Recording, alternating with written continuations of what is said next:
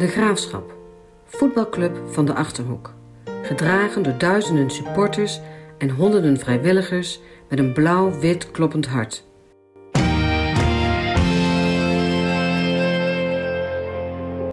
Welkom bij podcastserie De Eregalerij, waarin wij in gesprek gaan met onze ereleden. Wie zijn zij? Wat deden zij? Wat bewoog hun? Hoe kijken zij terug op hun actieve periode bij de graafschap? Een podcastserie over herinneringen die verteld moeten worden. En in deze aflevering zijn wij in gesprek met Henk Sveers.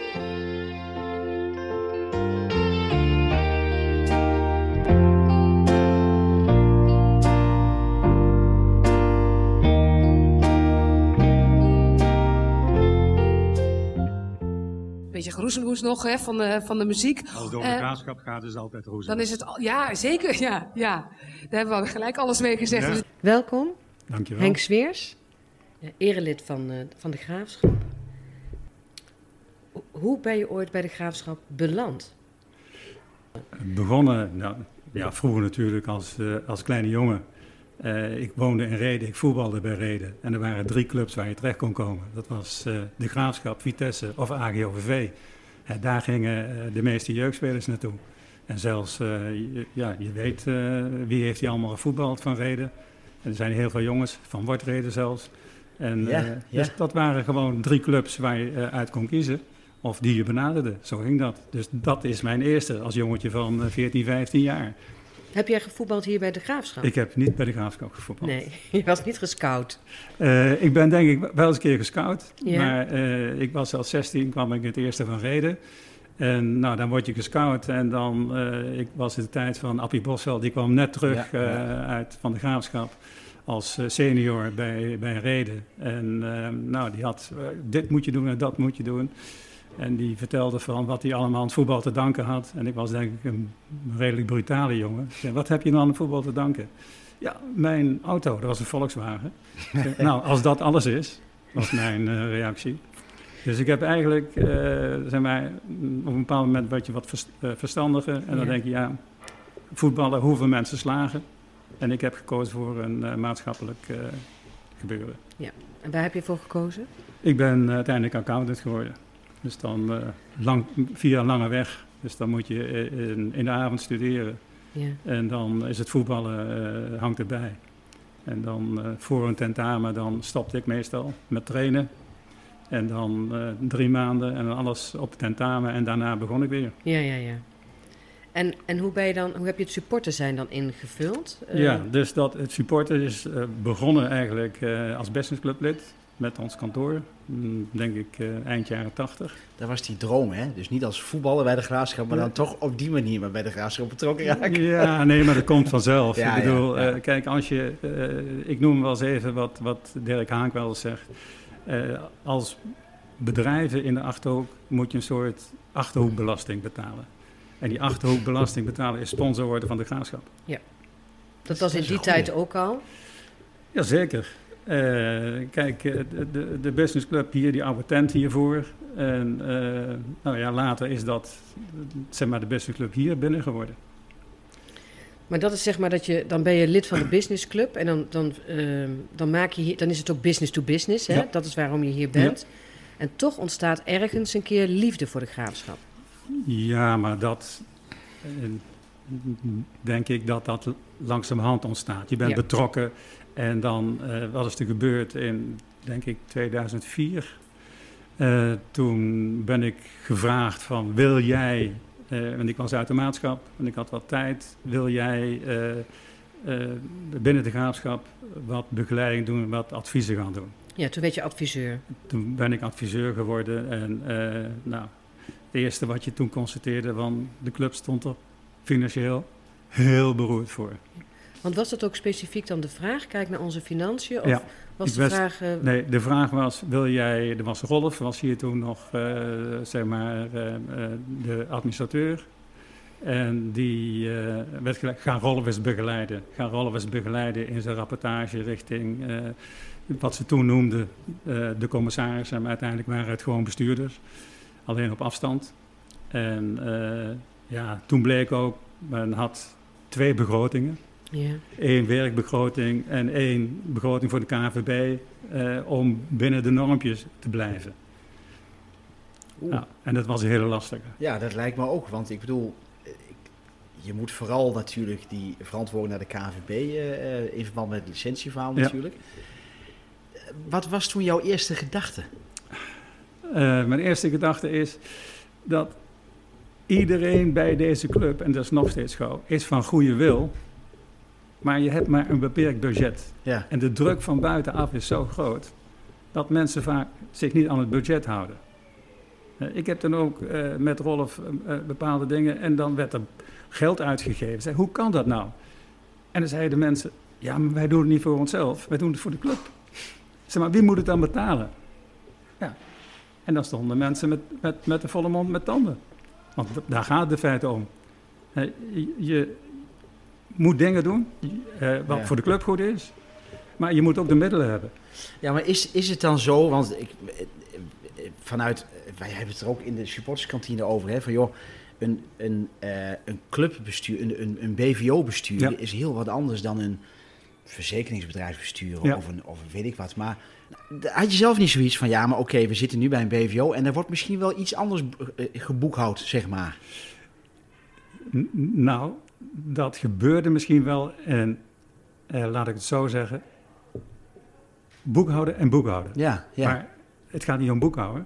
Het gaat om een bedrijf of een organisatie ja, ja, te leiden uiteindelijk. en te sturen. Ja, Kijk, en eh, ik heb altijd gezegd, of je nu een bedrijf hebt of een betaald voetbalorganisatie, financieel en doelstellingen is in feite hetzelfde.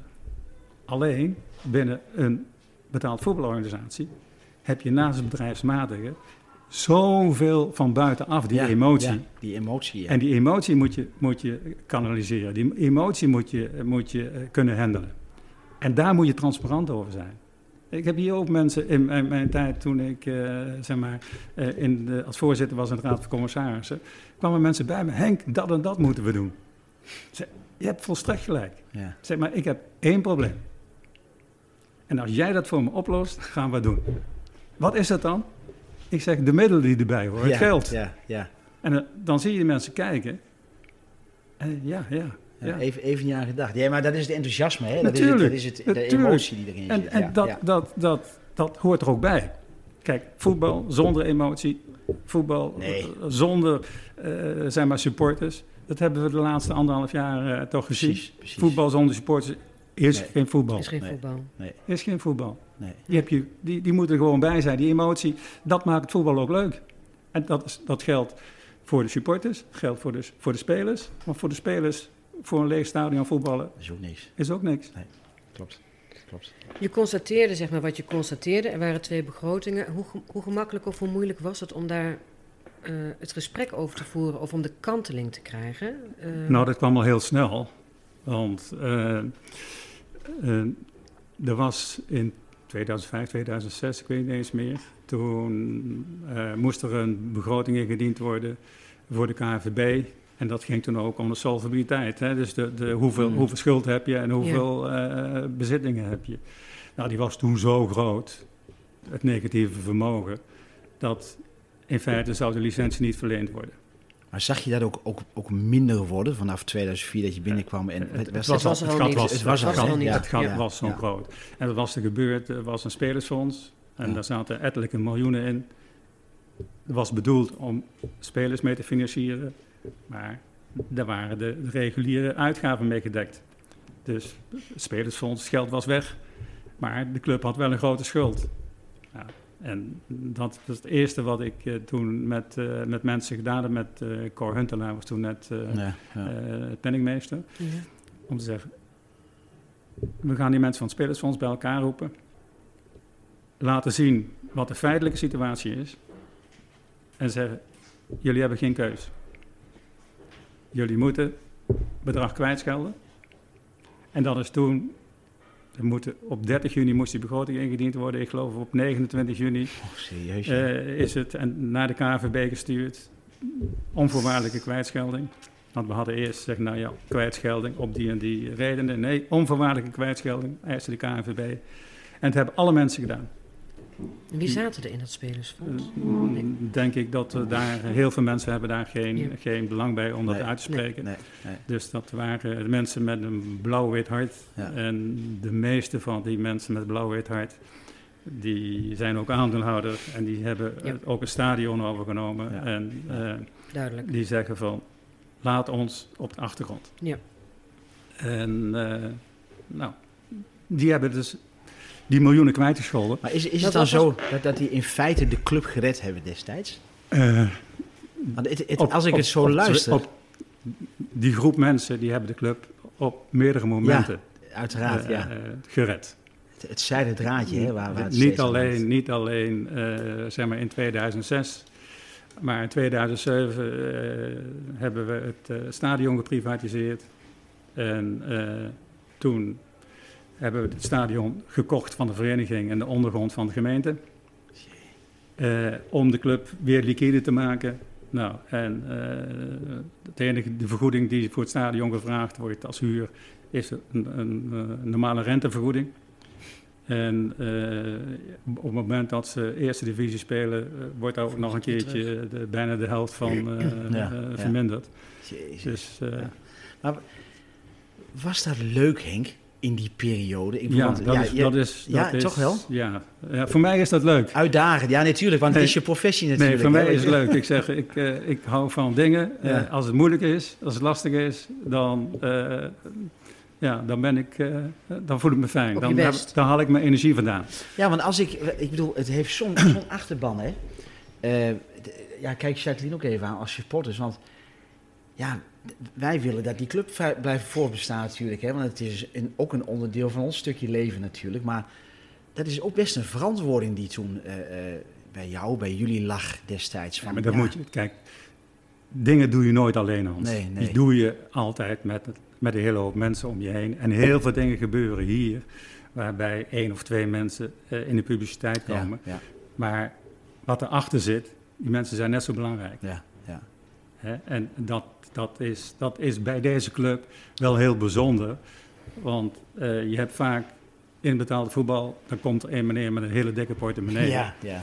En eh, nou, hier zijn mensen die. eh, nou, waarbij de een, ik, kan nooit in de portemonnees van andere mensen kijken, hè, voor een deel wel. Maar die mensen zeggen, wij doen het samen. Ik wil Ja. niet meer doen dan Ja. die. Van, nou, en je moet mensen ook niet dwingen. Nee. Want die, die groep mensen heeft mij in 2007 gevraagd van... Ja, eh, Henk, doe jij het woord? Hè? Eh, en eh, praat jij met mensen? En zo, en zo ben ik er ook eh, in feite met het stadion ingekomen. Want ik wilde eigenlijk nooit financieel betrokken zijn. Ja. Maar er waren er wat die zeiden van... Ik doe alleen mee als jij zelf ook meedoet.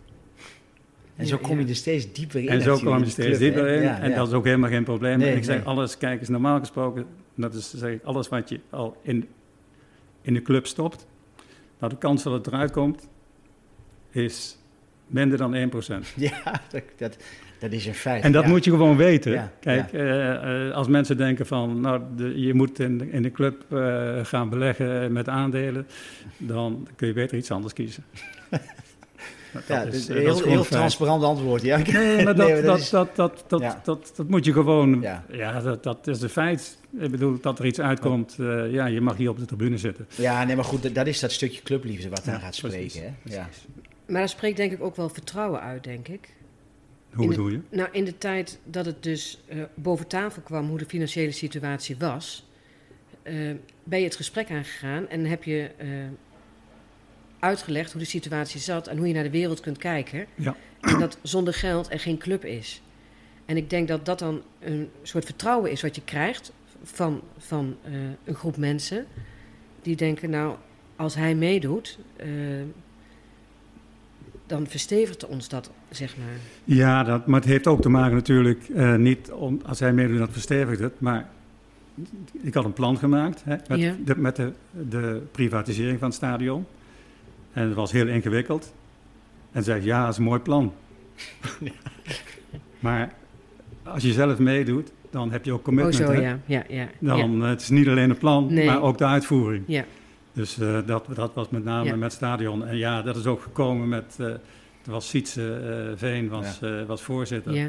En Sietse en, en, en ik die gingen altijd samen naar eh, de gemeente.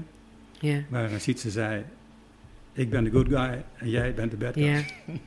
Dus als je binnenkwam, dan zagen ze bij de gemeente jou al aankomen. En dan dachten ze, daar hebben we hem weer. Ja, want op een bepaald moment was, was eh, die eh, tijdelijk burgemeester hier, Herman, achternaam ben ik even kwijt, Keizer? Herman Keizer. En die Ja. zei tegen eh Sietse van, ja, de volgende keer moet je Henk maar thuis laten. En eh Sietse zei, ik kom altijd met beste elftal hier. Ja, ja, ja. ja, Mooi is ja, dat, ja. hè? Ja. Ja, en, en, dan, en dan gaandeweg ja, word jij een, een, ja, in mijn ogen eigenlijk een onmisbare schakel eh, in, in het hele verhaal. Mm, Nee, dat- zo mag je dat niet zeggen. Nee? Nee? Nee, zo mag je dat niet zeggen. Kijk, eh zei ik in 2000... Nee, ziet, ziet ze vroeg aan mij, wil jij niet lid van de Raad van Commissarissen worden? Hm. Ja. Dat wil ik wel doen, als jullie echt de Raad van Commissarissen hebben. Want we hadden een verenigingsstructuur met eh, eh, zeg maar, mensen in loondienst die bestuurders waren, Hm. hè, eh, directeur. En andere bestuurders die zich commissaris noemden. Maar formeel waren ze bestuurder. Ik zeg, ik wil ook wel bestuurder zijn, maar dan wil ik aan de knoppen zitten. Ja, Ja. ja. Nou, toen is die structuur opgezet zoals je nu staat. Mm. Hè, van eh, vereniging aandeelhouder en, en, en eh, zeg maar de BVO als BV. Met aandeelhouder C om, om te financieren. Ja, Nou, en toen is de Raad van Commissarissen gekomen. Nou, daar ben ik eh, eh, zeg maar onderdeel van geworden. Met eh onder Sietse als voorzitter, ik Ja. als vicevoorzitter. Ja.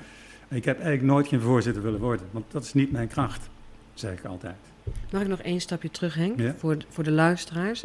Wat doet een raad van commissarissen? Je Raad van Commissarissen houdt toezicht op het bestuur, houdt toezicht op de begroting, houdt toezicht op het beleid. En eh, nou, die discussie die destijds, toen het eh, maar wat minder ging met de club, Ja. van wij willen een boegbeeld hebben. Dan zeg ik, nou, toen heb ik altijd tegen die, de, de mensen die zich daarmee bezig hielden, eh, zoals Wim van der Lauw, heb ik gezegd, een, boeg, een, een voorzitter van de Raad van Commissarissen behoort geen boegbeeld te zijn. Op het moment dat de voorzitter van de Raad van Commissarissen in beeld komt, is er een probleem. Is, Ja. is er iets goed mis? En dan is er Ja. iets mis. Ja. Dus de, de Raad van Commissarissen moet je eigenlijk helemaal niet kennen. Ja. Die, die moeten zijn. En nou, er werd het voorbeeld genoemd van, eh, van Twente door Wim. Ja. Van zo'n man moeten we Ja. hebben. En dan moet ik Wim altijd nageven. Eh, Ik zeg, Wim, als jij de zaak van Twente goed kent, goed analyseert, dan loopt dat een keertje mis. Op het moment dat Twente geen eh, sportieve successen meer heeft, ontstaat daar een groot probleem. Hm. En dat kwam anderhalf jaar later kwam dat uit. uit. Ja. Ja. En Ja. toen is Wim bij mij gekomen. Henk, zegt hij, je hebt het toen gezegd en je hebt gelijk gehad. Ja. Mooi is dat, hè? Dat het toch even Nee, maar- terugkomt dan. Nee, nog, maar ja. dat, dat, Ja. dat, dat, dat is ook, ook goed als je Ja. het met elkaar hebt. Ja. Hè? Ik bedoel, Dus gesprek eh, mensen hebben een eh, bepaald beeld hè? en dan, Ja. dan, dan zeggen ze, ja, eh, er er moet een boegbeeld zijn. Ja, Maar Ja. in feite, het boegbeeld van de graafschap moet zijn de trainer en de algemeen directeur. hm. Dat zijn de twee boegbeelden. ja en, en, en Wim sprak jou aan in zijn... Nou, in, in, de, in de tijd eh, toen die, die onrust was en hier eh, koffers voor de deur stonden, eh, Ja, in ja, de ja, tijd van, van, van, van Clemens. Die eh, hele vervelende periode, ja. Ja, hele Ja. vervelende periode.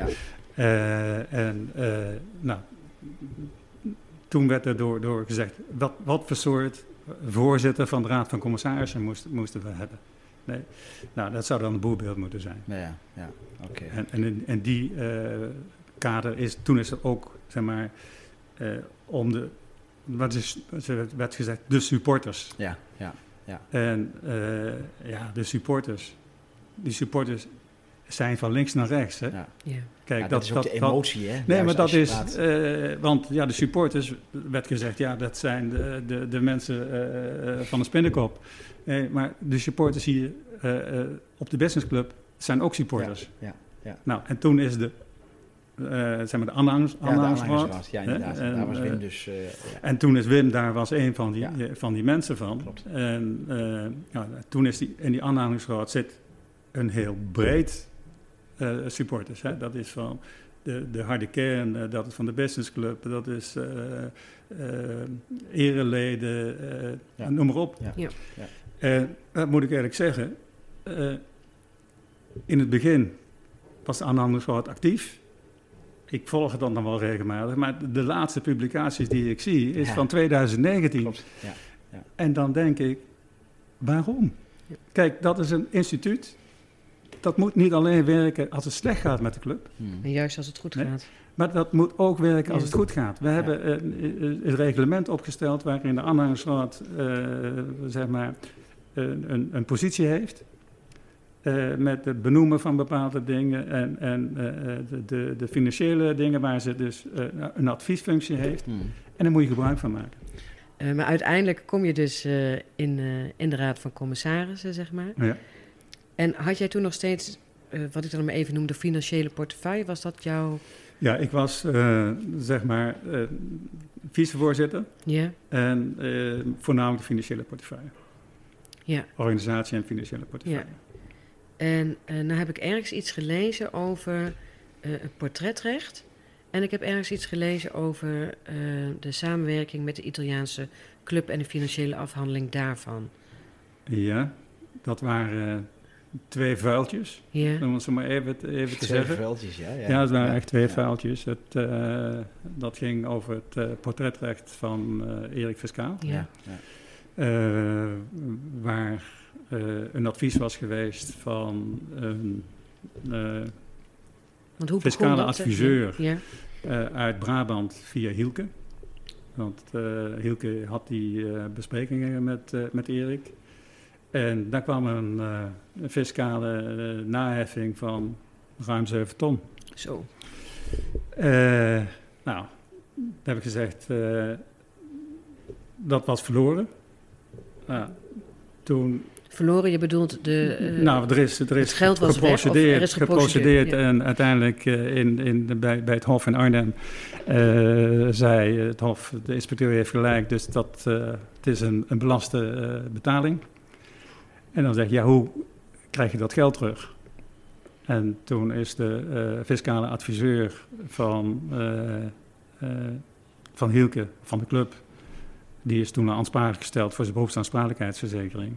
Nou, eerst nou, weerstand en Weer nog eens keer weerstand. Toen heeft Erik Fiscaal heeft, eh, getuigenis afgelegd.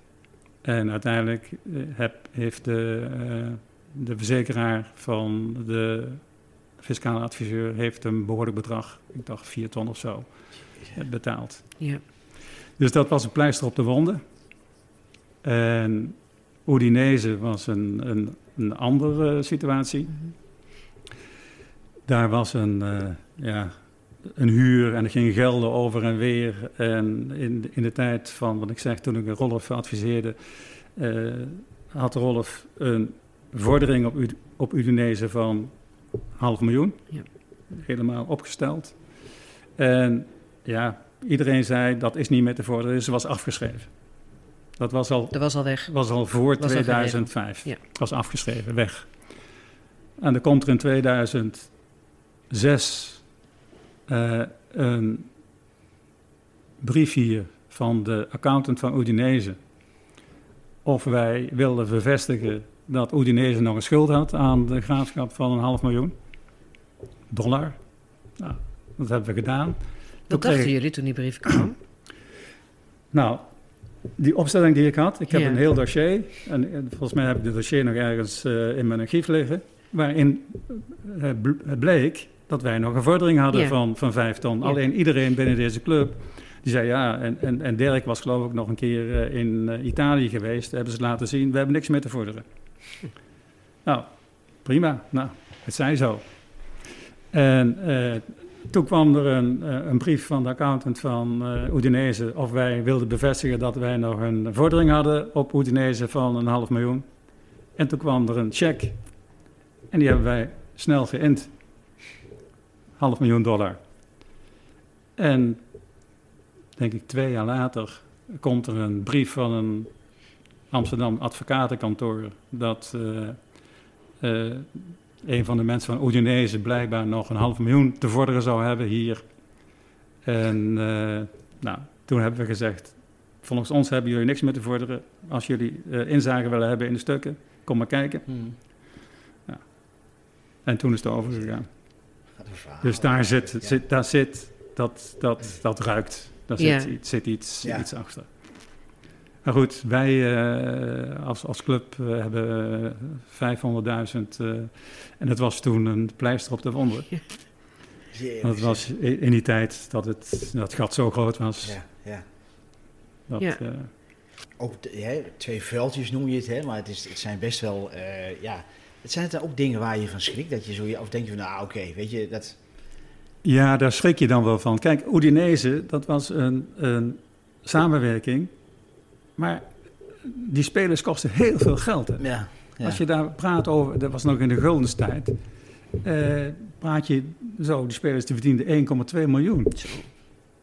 En ja, maar die hele voetbalwereld was toen gek. Ja, ja. Dat, dat, dat, ja, hoe moet ik dat, dat, dat, dat zeggen? Er, waren, er waren eigenlijk geen, geen grenzen. Ja, de er waren geen grenzen. hemel En iedereen was ja, enthousiast. En, en eh, dat is ook in de 2004, 2005 was dat. Toen stond eh, in de winterstop, is er ook gezegd, ja, wij moeten gaan investeren. Eh, en toen is er een miljoen opgehaald. Dat was zelfs nog in, in de, in de eurotijd.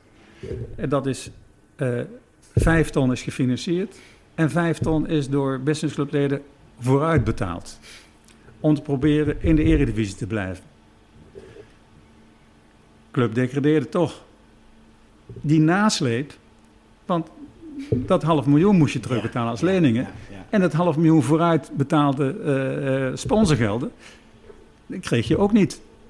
Dat, dat kun jij wel nagaan als jij salaris krijgt. En je, je, eh, en, en, en je krijgt eh, 100.000 vooruit betaald. En je hebt het opgemaakt. En dan, de komende twee jaar heb je een probleem. Ja, dat klopt. Nou, En daar en, hoef je niet zoveel geleerd te hebben. Hoef je niet zoveel geleerd te Nee, hebben. dat klopt. Dat nou, klopt en, en dat speelde hier ook. Ja, Alles met de goede bedoelingen. is wat, hè. En toen hebben wij eh, gezegd als, als, als raad van commissarissen... eh, dat gebeurt hier nooit meer. Nee, Dat laten we nooit meer gebeuren. nee.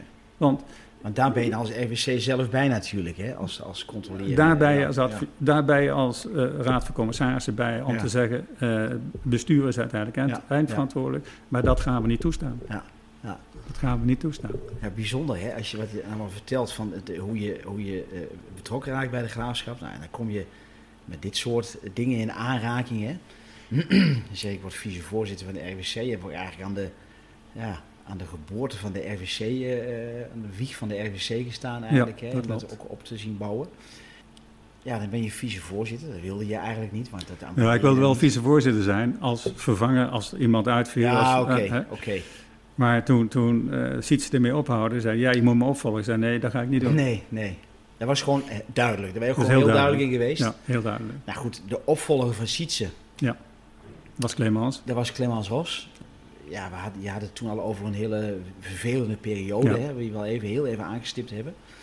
Hoe, hoe heb jij zelf die periode ervaren destijds? Ben je ervan geschrokken? Ja, heel naar. Ja? Heel naar. Eh, dat, dat, er- waren hier eh, mensen die eh, in de vergadering bovenkwamen, bedreigend, met Henk Bloemers erbij. En die, ja, zeg maar, bedreigend waren naar zowel Henk als naar Clemens toe. op de persoon Ja, dus. op eh, de persoon toe. En eh, ook naar George Jong, maar daar, naar George Jong, m, Ja. zeg maar, niet, niet echt eh, fysiek bedreigend. Mm. Dus dat, voor, voor George was het, eh, ja, donder jij ook maar op. En, en, ja, Als het dan toch in gaat, dan moet alles maar, eh, dan is alles, ja. Precies. Ja, ja. precies. En ook uit emotie. Want Ja. Buitenaf weet je niet, wisten de mensen niet met welke problemen eh, eh, zeg maar hier intern eh, aan de hand waren. Nee, en dat is de- hoe je dat op moest Ja, lossen. want dat is een stukje transparantie hè, waar we straks over hadden. Precies, Ook even in het voorgesprekje precies. van, je wilt transparant zijn, maar wel op de, op de goede momenten. Precies. En, en daar waar je transparant in Precies, wilt zijn. En dit, precies. ja, dit is onmogelijk Ja, natuurlijk. dat, dat is on- ja. onmogelijk. Ik Ja. heb hier ook wel eh, op het moment, eh, want dat is eh, vo- voordat zeg maar, de aandelen eh, uitgebreid werden, aandelen C, er moesten Mm. zeg maar 2,5, 3 miljoen ingestopt worden, anders viel de club om. Hè? Eh, dat was denk ik in 2007, 2008. Eh, ja, het is ook aan mij gevraagd van, waarom ga je dat nu openbaar maken? Zei, ja, dat zijn de feiten. Ja, ja. Hè? En, maar, maar ik zeg, dat soort dingen moet je niet versluieren. Je moet laten zien wat de ernst van, van het Mm. probleem is. Mm. Kijk, als je zegt, we moeten 3 miljoen ophalen. En waarvoor? Ja, ja, we hebben een beetje geld nodig. Nee, we moeten 3 miljoen ophalen, anders, dat- anders sta je ja. in Zutphen. Ja. Ja. Hè, dan kun je faillissement aanvragen. En nu zei je net van ja, mensen wisten niet wat er speelde en de problemen waren heel erg groot. Waren dat dan alleen de financiële problemen? Of was het in zijn algemeenheid? Waren er nog meer andere dingen? Nee, ik heb het altijd beschouwd. Kijk, het, het een lokt het ander uit. Ja, Hè, doordat, doordat die onrust was, eh, ja, dan zie je, je intern ook mensen op de werkvloer die, eh, eh, ja, die, die zien de supporters. Ja. Hoe de supporters, ik herinner me nog die wedstrijd tegen Sparta hier. Misschien, dat hebben jullie misschien wel voor beeld. Ja. Terwijl tijdens de wedstrijd komt daar aan de overkant een heel groot spandoek. ja, En dat heb ik ook met, met die mensen besproken. En ik zeg, weet je wat dat voor invloed heeft op spelers op het veld? Ja. Ja, maar zijn professionals. Zijn, Ja. maar die mensen zien, zien daar wat gebeuren en zeggen, oh, wat gaat er gebeuren? Dat, dat moet je niet onderschatten. Ja. Het zijn geen machines, hè? nee. Precies. Hè, Dat, dat is het. eh, kijk, je kunt nog zo'n zo'n ja, elftal neerzetten waarvan je op papier denkt het werkt. En dan zie je ze in de praktijk. Dan zeg je ja, het, het werkt niet. Zoals, zoals een trainer voor ogen heeft. Ja, de- omdat het geen machines zijn. Nee, dat klopt. En, en, en eh, ja, die, die voorbeelden zijn heel vers ook natuurlijk. Hè. Ik bedoel, ja, dat is zo. Het doet wat met... met eh, eh, en Maar- het een steekt het ander aan. Hè. Dat, Precies. Het, het is een soort eh, sneeuwbaleffect krijg je dan. Maar het doet denk ik ook wat met jullie, zeg maar. Hè? Want jullie zitten aan de overkant en jullie zien het ook gebeuren. Ja. En dan bedoel ik met jullie bedoel ik de Ja, RVC-leden. nee, maar de hele organisatie natuurlijk. Ja, hè. Hier ja, ook, ja. niet alleen. De, de, de, de, maar er zijn ook sponsoren geweest. Zeg, Als het zo moet, dan haak Laat ik af. zitten. ja, Ja. precies. Hè, Ja. Ik wil hier eh, alles, eh, ik wil hier geld insteken, ik wil hier mijn energie insteken, maar het moet wel leuk blijven. Ja. En hoe hou je dat dan bij elkaar? Dat is hoe bewaar lastig. je de rust? Dat is heel lastig. Dat is heel lastig. En hoe hebben jullie dat toen gedaan? Toen heeft Wat hij is er grijze gekregen, denk ik. nou, nee, ik, ik denk dat, Want het- dat zeg maar, als je die eerste, wedstrijd- het eerste om de spanning eraf te halen is de aanhalingssoort geweest. Ja, maar dan zit je al wat verder in het proces. Hè? Ik bedoel Ja, maar eigenlijk... Dat was, ja, dat, op dat moment, kijk, dat, eh, toen ik zeg, ja, wij moeten als supporters, en toen kwam de, eh, de- wat ik zeg, van wie zijn de supporters? Ja, Eh, en dat is al heel snel eh, daarna gegaan, Hmm. dat die aanhangsgrad eh ingesteld is. ja, maar je zit zeg maar die avond bij die wedstrijd. Ja, En dan, dan ja, je zakt door de grond, Ja. of, of, of, Ja. of het, je bloed gaat koken, of je wordt woest, of juist helemaal eh, apathisch. ja, want dat is het verschil. De ene wordt woest, de andere Ja. eh, die, die, die zegt, eh, ja, wat moeten we, hoe kan dat nou? en dan sta je hier, zeg maar. Hè? De wedstrijd is af en dan sta je hier.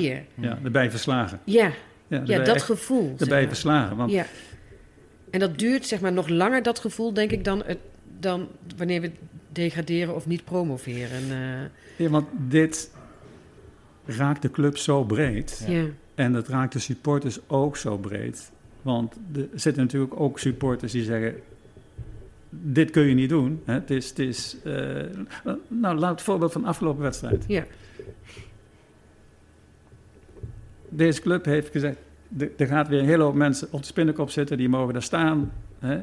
En dan wordt er weer vuurwerk. Wat ze ook doen, vuurwerk af, afgestoken... waarvan we weten dat mag niet en dat kost de club een hoop geld. ja. Even voor de duidelijkheid, gaat we de afgelopen wedstrijd tegen, Ja. Tegen, tegen Rode JC. Tegen Rode Ja, JC. eerste Ja, competitiewedstrijd eerste competitiewedstrijd. In de competitiewedstrijd. Tijdens de wedstrijd wordt er vuurwerk afgestoken. En er worden dingen op het veld geschoten. Hè, dat eh, supporters eh, met eh, plastic glazen gooien, dat is emotie. Ja. Maar dat vuurwerk, dat is van tevoren bedacht. Ja. Ja. Dat is echt van tevoren Ja, is bedacht. ook binnengehaald. Dat is niet de emotie van het moment. Daar kan ik begrip voor op hebben. Hmm. Dit is van tevoren bedacht. Terwijl je weet, dat gaat de club geld kosten. Hmm. Denk, wat bezielt Ja. die mensen? Wat bezielt Ja. die mensen? Klopt, en, en, en daar denken ja, heel veel mensen ook in. het En dat is wel, zeg maar, eh, wat mij dan puzzelt. eh, want dat is als we kijken bedrijfsmatig, zeg maar. Ehm, eh, met de regels die we met elkaar hebben afgesproken, met de KNVB. Eh, aan de andere kant zijn er ook supporters die vonden het fantastisch. Daarvoor kwamen we naar het stadion, dat hebben we gezien. dat zijn zeg maar twee tegenstellingen. Is dat ook, als je terugkijkt naar, ik, ik neem maar even weer die wedstrijd van Sparta, dat je dat daar ziet, dat organisatie en eh, de, de mensen die investeren in de club eh, en de supporters, dat ze in die periode tegenover elkaar kwamen te staan, dat dat ook bemoeilijkt heeft? Ik weet niet of ze tegenover elkaar kwamen te staan. Het is natuurlijk wel zo dat er uh, sommige uh, zeg maar, investeerders of mensen met een blauw, Ja, uh, blauw-wit hart. blauw-wit hart, Laten we ze zo voortaan noemen. Mensen met een blauw ja, hart. blauw-wit hart, eh, ja. die zeggen ja, als het zo moet, dan, dan hoeft het voor ons niet Nee. meer. Met alle gevolgen van die. Ja. Dat, dat, is, dat is wel zo. Kijk, en je kunt natuurlijk zeggen, als supporters dit geweldig vonden. Kijk, vlaggen, muziek, alles, maar Geen vuurwerk. geen vuurwerk.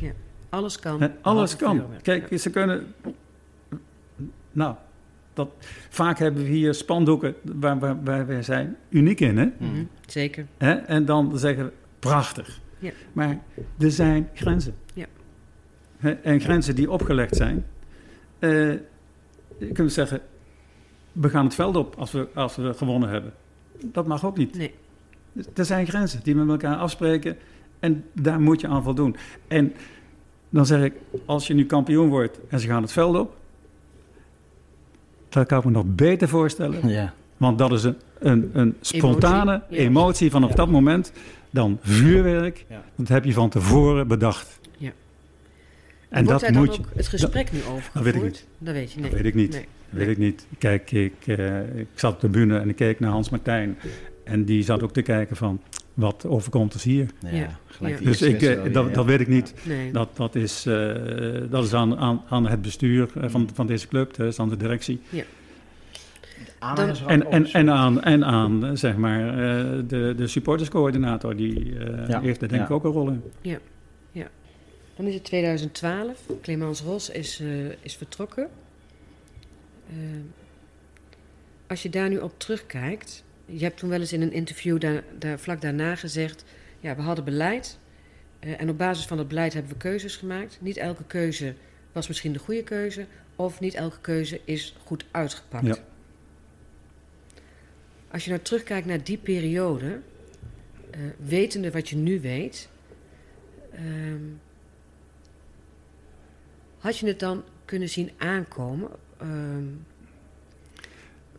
ha- ha- was Wat? het herkenbaar? Wat? De onrust bij de supporters en de, de ellende die daaruit voortgekomen is. eh, want, want bedreigen, zeg maar, is.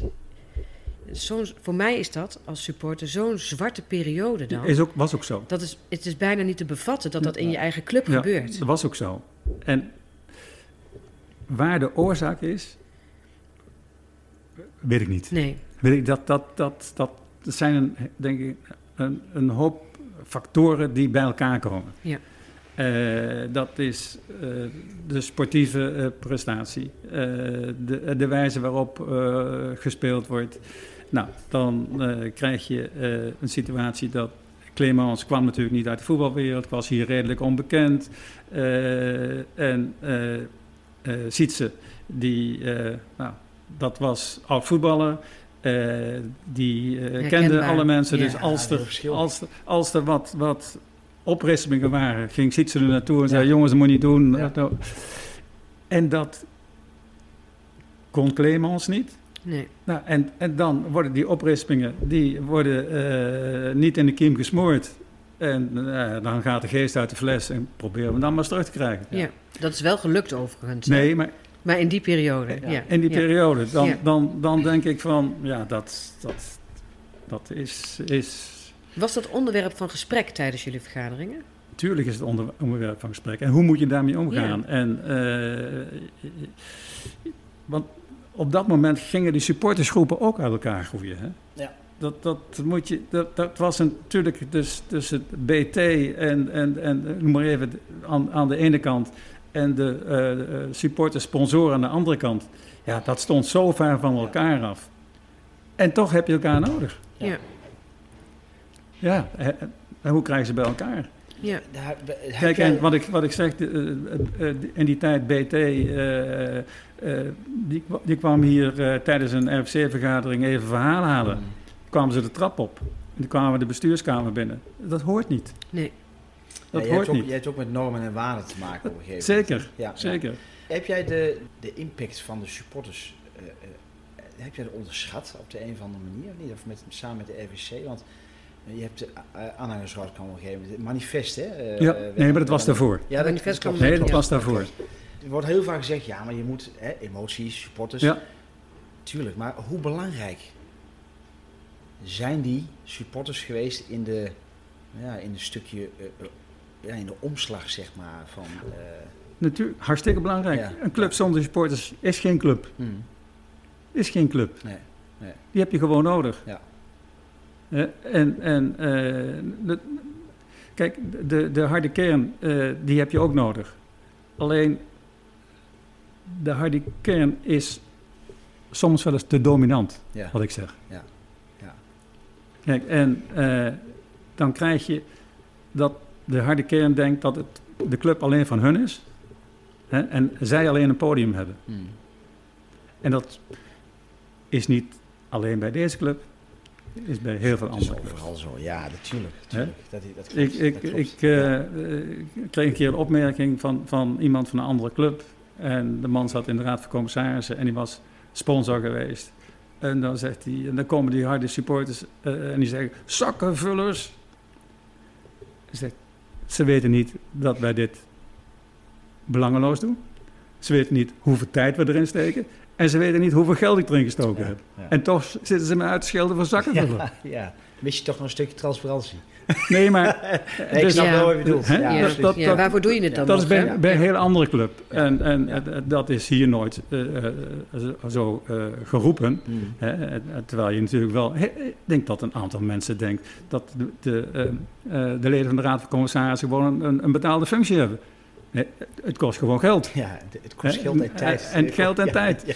Want hoeveel Ja. uur kost een... een, een Nou, ik, eh, voor mij, even Ongeveer, afgezien van ja. de wedstrijden... want daar ga je supporter naartoe. eh, toen ik als voorzitter was... eh besteedde ik meer dan 500 uur per jaar. dat is echt fors, hè? Vrijwillig. Dat is... eh, Vrijwilligerswerk, Ja, hè? dus kijk, Ja. als je een baan hebt, kan dat bijna niet. Nee. Nee, Nee. nee Kan dat bijna niet. Nee. En, en even terugkomen, hè, want het vicevoorzitter. Oké, voorzitter, leuk, maar alleen op, op, hè, op tijdelijke basis. Maar vervolgens gaat eh eh, Clemens Ros, die, die vertrekt. Ja, dan kom jij toch in beeld. Ja, want dan is de vicevoorzitter is Ja, vervangend. Ja, dus op een bepaald moment dan blijf je vicevoorzitter. Als waarnemend. Ja, dan ben je waarnemend voorzitter. Nou ja, en dan eh, komt de rust terug door allerlei dingen. En dan zegt hij, nou Henk, blijf nou maar eventjes zo. Dus, nou, dat is prima. ja, was dat ook prima voor jou? Dat was voor mij prima op Ja, dat moment. Denk ik, nou ja, ja. goed, het is, eh, eh, want wanneer is het 2012 geweest, 2015 ben ik weggegaan. Nou, dus het eerste jaar, anderhalf jaar ben ik nog een keertje waarnemend. En toen heb ik ook gezegd, na tien jaar zitten mijn termijnen erop en dan stop ik. Hmm. Dat is heel, van tevoren heb ik dat gezegd, want we hebben termijnen binnen de Raad van Commissarissen afgesproken. Hmm. En dan moet je gewoon stoppen. Ja, ja. Is dat dan ook iets wat dan in jou zit, eh, Henk? Dat je zegt, eh, dat was zo'n lastige periode. eh, maar daar heb ik dan weer mijn tanden in gezet. Want dat is wat mij dan past. Als het ingewikkeld is, is dat ook weer mijn uitdaging. Ja. Zoals je dat in het begin had bij de constatering over de financiële situatie van de club. Dat je dacht, ja, het, toch, het was ingewikkeld, het was moeilijk. Het, was, het ging niet vanzelf. Maar het was toch leuk om te doen. Eh, was dat, speelde dat ook in die Ja, periode? dat is dit natuurlijk ook. Kijk, op dat moment als er een, een, een voorzitter van de Raad van Commissarissen weggaat... en ik, ik begrijp ook best waarom... Ja, Hmm. ja. Hè, eh, dan moet je de zaak niet laten, uit je handen laten vallen. Nee. Daar heb je eh, een, een, een, een, een verantwoordelijkheid voor. Hè? En eh, dan zeg ik wel eens iets wat eh, vrijwillig is, is niet vrijblijvend. Klopt. Hè, dat, dat moet je wel, wel weten. Dus ja, dan hoort dat erbij. En dat is je verantwoordelijkheidsgevoel. Nou ja, en dan zit je hier en dan- dan loopt het. En eh, eh, de mensen eh, hier in de club die zeggen, ja, het, is, het komt rust. Dus blijf even. Ja. En hoe kwam er rust? Door te communiceren, door transparantie en door eh, mensen erbij te betrekken. En door te, eh, te zeggen van, eh, dit kan wel Mm. eh, en dit kan niet. Duidelijkheid, Er was een denktank in die periode. ja. Eh, Ja, ik vind dat dan een mooie vondst. Ja. Hebben jullie laten adviseren hoe je dat dan kon bedenken, hoe je dat kon oplossen? Of Nee, is- is- ging met elkaar zitten brainstormen? Of hoe? Nee, het is eh, heel, heel raar op een bepaald moment. Is de, ik was in Spanje en eh, ik kreeg van Henk Bloemers een mailtje of zo. Zei, hoe gaan we dit nu invliegen? Nou, dan zit je rustig. Denk ja, dat moet je niet van bovenaf doen. Nee. Dit moet je van Ja. onderaf laten doen. Dus maak nu eens een, een wat ik noem denktank. iedereen bij elkaar en noem het een Iemand bij elkaar uit, uit alle eh, eh, geledingen Hmm. en laten deze mensen eens naar iets kijken. Om, om draagvlak te creëren. Om draagvlak te krijgen en ook om te kijken van wat mankeert er Ja. aan een structuur. Hmm. Want aan die structuur zou alles aan mankeren zoals je structuur in elkaar zat. Nou, toen... Ja. Vanuit de supporters. eh, Vanuit, ja, Van, vanuit, vanuit het manifest. Vanuit, Vanuit, van het manifest. Ja. En eh, nou, toen is eh, een eh, groep bij elkaar gekomen. En, onder leiding van Leo Markenstein. Want Leo Markenstein die, was, is organisatieadviseur. En die kende de voetbal vanuit zijn vorige, eh, was lid van de Raad van Commissaris van Utrecht. Hm. Want die voetbalwereld moet je wel een beetje kennen. Ja, ja. En die heb ik toen aangedragen. Zei, nou, praat met hem. En kijk of die jullie kan begeleiden. Als onafhankelijke. Nou, dat hebben de mensen eh, ge- ge- geaccepteerd. En Leo heeft dat gedaan voor een fles wijn. En eh, dus die is de avond... Vrijwillige, vrijwillige basis weer, ja. ja. Eh, precies. En eh, nou, toen is, toen is de aanhangersgroot ontstaan. Ja. Ze Ja. zeiden, nou, dat is het eigenlijk, hoe kunnen de, buiten de vereniging, hè, want de vereniging heeft natuurlijk eh, als, als aandeelhouder en op bepaalde eh, facetten, eh, zeg maar, de zeggenschap. Mhm. Hoe kun je de supporters in de breedte meer betrekken? Ja. Nou, dat is toen ontstaan. En dan heeft iedereen vanuit alle geledingen hebben hun inbreng. En dan gaat die, die lucht eruit. Die spanning die gaat eruit. Dan is het meer van ons. Dan is het van ons en die spanning gaat eruit. En, Ja. en, en dat is van belang. Kijk, zolang, je kunt van alles be- bedenken en alles eh, eh, zeg maar, laten zien. Maar zolang je de spanning op, op, op iets houdt, dan komt het niet binnen bij de mensen. Hmm. En eh, je, je moet die spanning eraf halen.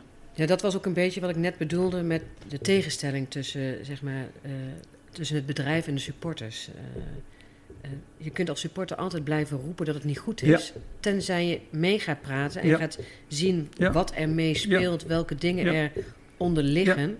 Eh, en dan krijg je begrip en, Ja. dan, en dan gaat die spanning er inderdaad eh, Ja, je ziet nu bijvoorbeeld eh Sjoerd, Sjoerd Wijkamp. Die stond vroeger natuurlijk aan de, aan de zijlijn. Hmm. En eh, nou, doordat Sjoerd in de Raad van Commissarissen gekomen is, maakt iets van binnenuit mee. En ik denk dat Sjoerd heel anders tegen de organisatie Ja, is gaan ja. aankijken. Ja, sowieso natuurlijk. Maar dat geldt volgens mij voor alle mensen die nu betrokken zijn. De, dat geldt voor Dennis, eh, dat geldt voor Sjoerd, dat geldt voor Wim. Eh, zij waren natuurlijk eh, betrokken eh, vanuit dat manifest ook. En zij, zij hebben nu een rol gekregen in de oplossing. Ja, maar daarom zeg ik nu, mm, iedereen binnen deze club heeft het goede met de club voor. Ja, En een trainer, die wil winnen. Een trainer wil het beste elftal opstellen. En dat jij en jij en ik vind dat in onze ogen misschien niet het beste elftal is. Hè, dat, dat, hè, dat van waarom moet je die opstellen en waarom stel je die niet op. Maar de trainer die vindt met zijn staf dat hij het beste elftal opgesteld heeft. En soms komt het verkeerd uit. Ja. Kijk, die trainen de hele week, die hebben gesprekken Ja, met maar als supporter ja. zeg, ik- zeg ik ook wel, hoe kun je die man opstellen? Ja, ja, dat is ook emotie, ja, hè? ja, ja, ja, ja. Ja, Ja. Nee, het- Heb je daadwerkelijk een, een verandering zien plaatsvinden na, nadat eh zeker. Markstein eh Ja. klaar was met zijn onderzoek? En, Jazeker. Ja. Eh, eh, de groepen zijn milder naar elkaar geworden. Ja, ja. En daar heb je een hoop uh, mee bereikt. Hè? Dus uh, uh, minder argwaan. Dat is het belangrijk. Je moet meer vertrouwen hebben. Kijk, als, als jij vertrouwen hebt in, in een organisatie dat die het, het beste doet, mm. maar dat jij het anders zou, zou willen. Maar dat betekent dan niet dat die keuze van de ander verkeerd is. Klopt. Ja. Nou, ik denk dat dat daardoor gewonnen is. En daarom vind ik het zo jammer dat die aanhangensraad zo weinig van zich laat horen nu. Ja. ja. Al bijna twee jaar. Het is wel goed dat je dat ook eh, opmerkt. Uh, ja. Ben, jij, ben jij bang dat er nog eens zo'n periode ontstaat hier, Henk? Ik ben niet bang, maar het kan altijd gebeuren. Ja, toch wel. Ondanks het feit dat je toch een, een behoorlijke ja, RVC hebt nu en daar waar ook wel op gelet wordt van, joh, weet je, wie wordt er vervangen van? Ja, maar waardoor ontstaat de, de onrust? Dat gaat vaak gepaard met sportieve prestaties. Hmm. Ja, daar ligt de basis. Daar ligt de basis. Hè? En we hebben de laatste jaren uh, bovenin gespeeld. Maar veronderstel nu dat je een situatie krijgt dat je uh, een, een, seizoen plaats 10, plaats 11, plaats 12. Ja. Hè? Uh, het voetbal is nog niet om aan te zien. Kijken wat er dan gebeurt. Ik kan er niet voorspellen. Nee. Ondanks dat we denken van er is behoorlijk wat krediet opgebouwd nu, hè, door uh, ja. wat er allemaal gebeurt. Ja, het krediet in de voetbalwereld is, is zo flink te doen. Ja, het is zo doen. Een kleine ijslaag. um, in jouw nieuwjaarspeech van 2015 um, gaf je aan dat, dat, dat, ook jij een droom had, hè? En dat je een plan van de toekomst, uh, uh, dat dat voorlag op dat moment. Hè? Dat, dat is ook, uh, Dran is dat geworden. Hè? Als je daar nu op terugkijkt, het is 2021, is het, is het gelukt, zeg maar? Is jouw droom uitgekomen? Tuurlijk niet. Dromen komen meestal niet uit. Kijk, eh, onze droom was een stabiele eredivisieploeg te zijn. Ja. Nou, dat is niet uitgekomen. Kijk, wat er denk ik wel uh, uitgekomen is, is dat er een stabiele jeugdopleiding staat. Uh, in die tijd werd er ook gesproken om te bezuinigen, uh, om de jeugdopleiding ja, ja. Uh, op te doeken. Ja. Ik zeg, nou, daar ga ik voor liggen, uh, want dat is de bijl aan de wortel. Ja. En dat gaat langs twee dingen. Dat is niet alleen het opleiden van je eigen jeugd, maar ook de betrokkenheid van de hele omgeving en alle clubs in de omgeving. Wat ik toen ik al begon om te zeggen van, nou, als, als jongetje in Reden had je drie clubs. Hmm. En, uh, die ligt dan richting Arnhem. Maar die jongetjes hier in de Achterhoek, die hebben denk ik maar twee clubs. De Graafschap en Twente. Ja. Waar ze op gericht zijn, waar ze naartoe zouden willen. Nou, als je de jeugdopleiding van de Graafschap weglaat, dan hebben die jongens geen keus meer. Ja, dat klopt. Die hebben die gewoon geen keuze meer. En dat betekent dat die, een jeugdopleiding uh, is veel meer dan alleen het technisch opleiden van, van, van, van spelers. Dat heeft ook te maken met maatschappelijk en breed draagvlak. Binnen de amateurclubs in je omgeving, binnen de familie van die, van die jeugdspelertjes. Uh, dat is zo breed. Het gaat veel verder, hè? Ja. Gaat veel verder. Dat is zeg maar de binding met de Achterhoek. Zeker. Eén van de bindingen met de Achterhoek. Ja, Eén van de bindingen met de Achterhoek. Daarom, eh, een, een, regionale club als, als de Graafschap, als, je, als daar de jeugdopleiding uh, van opgedoekt zou worden, is de beide aan de wortel. Dat is dan uh, wat je zegt, hè? we zijn geen stabiele eredivisieclub geworden. Wel hebben we inmiddels een stabiele jeugdopleiding.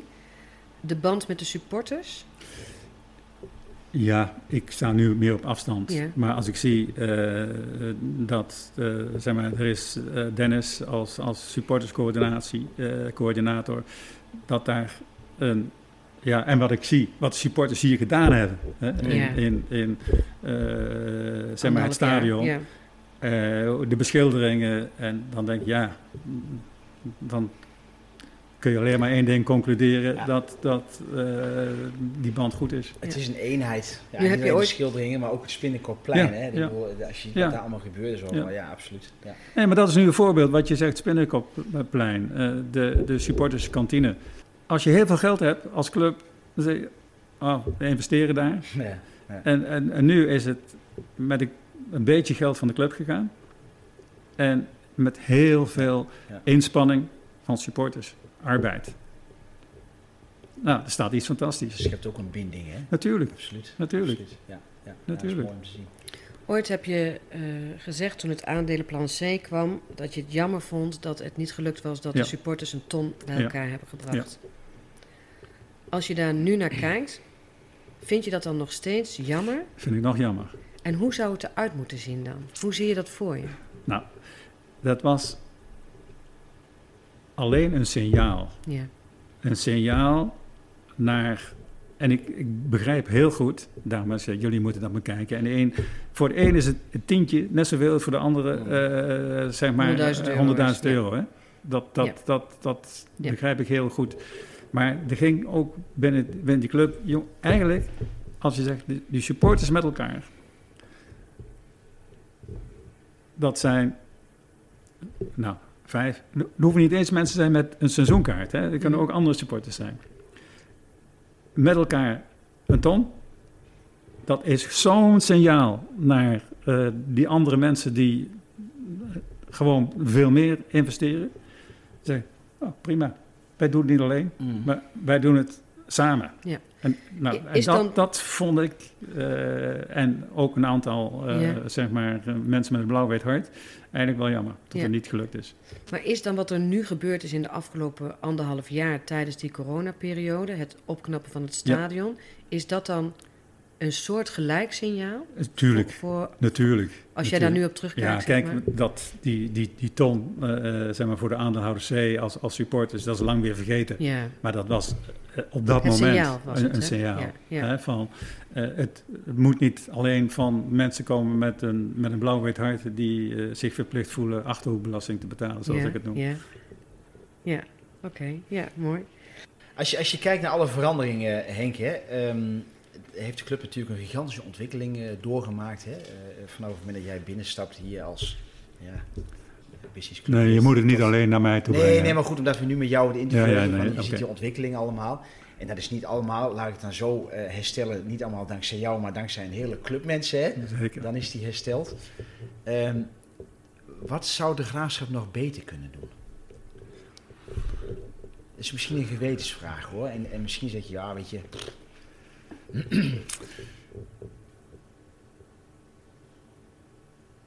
Waar het in betaald voetbal om draait, is middelen. Kijk naar de ranglijst, dan zie je geld en positie op de ranglijst is bijna één op één. Hmm. Enkele uitzonderingen. Hmm. Eh, je hebt een tijd gehad dat Heracles met een, een, een redelijk beperkt budget beter scoorde. En Feyenoord met een hoog budget lager scoorde. Ja. Maar de rest kun je gewoon afzetten. Ja. Dus wat hier nog steeds ontbreekt, is de directe betrokkenheid van de grote achterhoekse ondernemingen. Er zijn er een paar. En eh, het- natuurlijk is het jammer dat hun hoofdkantoor niet altijd in de achterhoek staat. Mhm. Maar dat zou natuurlijk eh, de, de club eh, meer financiële ruimte geven. En, en meer financiële ruimte betekent gewoon dat je beter presteert. Ja, ja. Nou, dat is. En ja, hoe je dat voor elkaar krijgt, eh, dat, is, dat is natuurlijk een lastige. ja, dat is een hele lastige, denk ik. Kijk, als je kijkt, eh, Ben, natuurlijk. ben jij er toen in die periode ook al mee bezig geweest? Nee, ik was. Nee. dat- ik, ik ben. of je even in, in Nee, club, nee, nee, we eh, hebben ja. het natuurlijk wel over, over gesproken. Maar dat is iets wat, wat je eigenlijk als eh, eh, zeg maar directie moet doen en als commerciële afdeling. Ja, ja. Kijk, een, een, een groot bedrijf hier in de Achterhoek is For Farmers. Ja. En dat, dat past zo Ja, bij, bij ons Ja. imago. Net zoals eh, bio, bio, Ja, natuurlijk. Ja, dat past zo bij ons imago. Kijk, er moet van twee kanten komen natuurlijk. Hè? Ja. En je kunt daar naartoe gaan, drie, vier, vijf keer. Nul over het cash krijgen. Maar er moet aan de andere kant ook een, gevoel zijn natuurlijk. Ja. Hè? Van het, Ja. eh, Ja, maar het heeft ook, je vaak te maken, heeft ook vaak te maken, dat heb je toen gezien met eh, de Rabo wielenploeg. Hmm. Hoe kwam dat? Eh, Jan Raas en Herman Wijfels, beide Zeeuwen. Ja. Eh, Herman Wijfels was voorzitter van, van, van de Rabo en Jan Raas eh, wielrenner. Nou, 1 en 1 is 3, hè? Ja. Dus jij zegt als we Ted van de Paard heen sturen, dan hebben we het zo binnen. Nee, maar je moet eerst kijken van, is, zeg maar, is de directie van For Ja, Farmers, ja, ja. heeft die wat met betaald voetbal? En wil die ook zorgen, want dat is natuurlijk wel een punt. Het gaat niet alleen om de, de onderneming zelf, maar ook de mensen die in de onderneming werken. Mm. Hè, die kunnen ook trots zijn op Ja. de graafschap. Van mijn werkgever, mijn, onze onderneming is ook sponsor van de graafschap. Dat, dat, dat kan mensen in de onderneming Mm. trots maken. En zeker eh, in, in een situatie waar we nu al eh, jaren eh, zitten, dat we een hele enthousiaste eh, eh, eh, supportersclub hebben, dat wij een stadion hebben die overal gezien mag worden. Mm. Hè, kijk, in de tijd waar we straks over hadden, met die, in, die, in die zwarte tijd, nou, dan is er geen nieuwe sponsor die zegt, nou, eh, daar stap ik in. Nee. Want ik, als ik mijn relatie hiermee naartoe neem, dan, eh, pff, dan zeg ik, ja, Met angst en zou je ze meenemen. Precies. Ja, ja. maar iedereen die hier komt nu, die zegt, goh, ja. de Graafschap is zo'n warme, fijne club. Ja. Hè, er is, eh, ook al hebben jullie verloren, dan uh, uh, je hoeft het niet te overdrijven zoals afgelopen zaterdag. uh, je, je, kunt de spelers bedanken, maar je, hoeft ze niet, als ze met 3-0 verloren te zijn, uh, toe te juichen of ze kampioen geworden zijn. Dat vind ik weer een ander uiterste. Maar Ja, dat, dat, is, dat is ook de emotie. Dat, dat is, dat is mijn beleving. Ja, ja, ja. Uh, je bent natuurlijk erelid geworden in december uh, 2015, omdat je ons door een donkere periode hebt geloodst. Uh, een man met een blauw-wit hart, zoals gezegd al een paar keer. Wee komt altijd weer terug, is een gevleugelde uitspraak. Is de graafschap terug? Ik denk dat de graafschap op een niveau zit wat eigenlijk te laag is. We hadden afgelopen seizoen moeten promoveren. En uh, ja, doelgemiddelde. Uh, net niet. Ja, één tekort. Uh, dat is één tekort. dat, dat vind ik eigenlijk jammer. Kijk, want we hebben wel eens gezegd, als deze club die moet twee, drie jaar ja. in de eredivisie, dan kun je misschien wel degraderen. Maar als je dan de basis zo hebt en je kunt je spelers behouden, dan kun je heel snel terugkomen. Mm.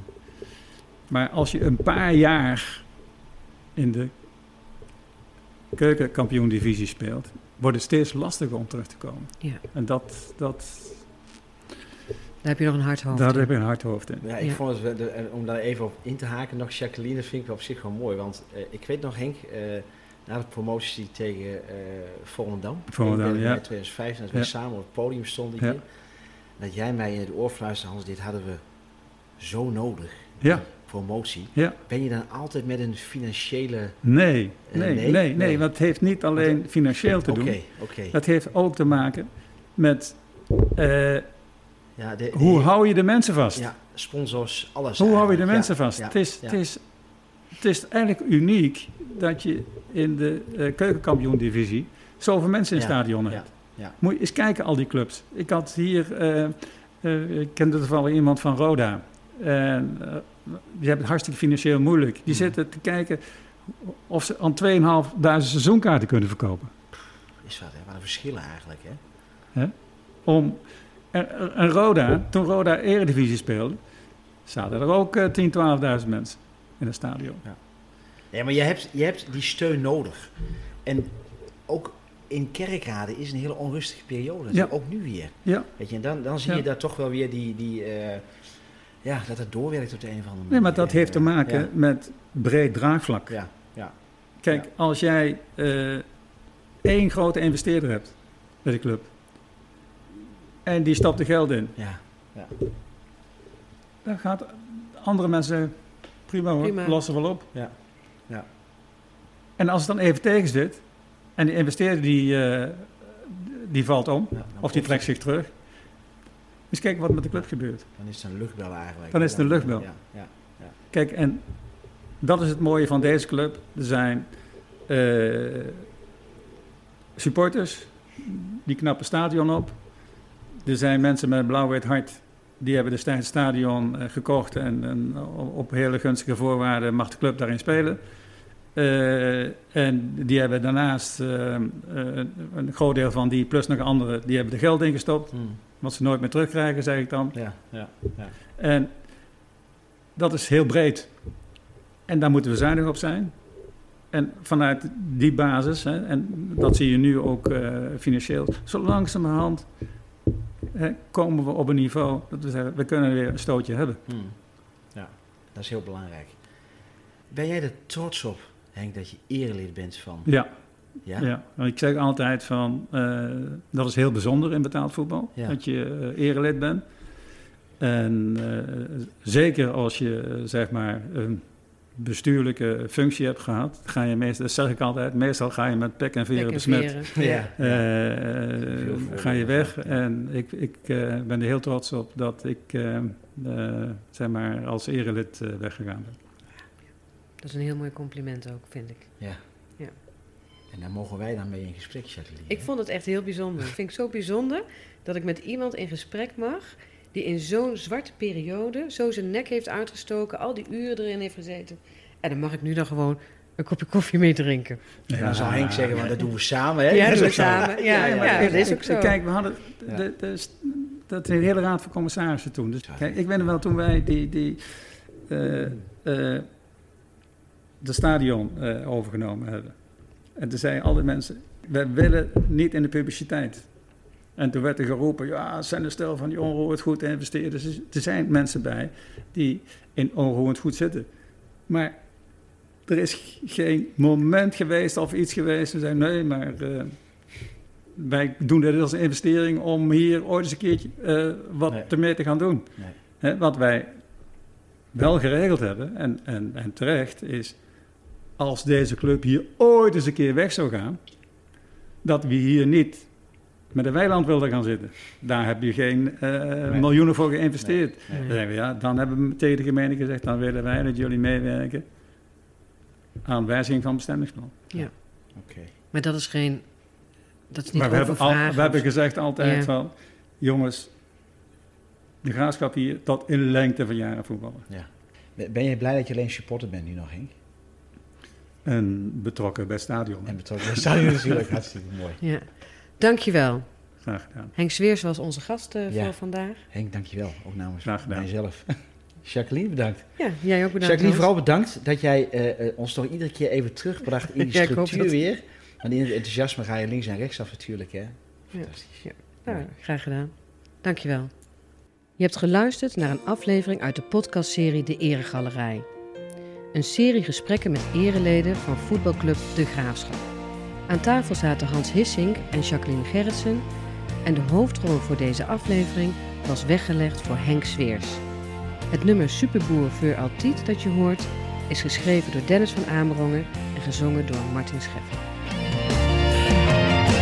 Ik kom altijd weer terug. Mijn blauw-wit hart aan hoe verloren. Ik ben zo trots op deze club. Als superboer ben ik geboren. Overal geweest, maar een mooie clubsken is er niet. Superboer voor altijd. Superboer voor altijd.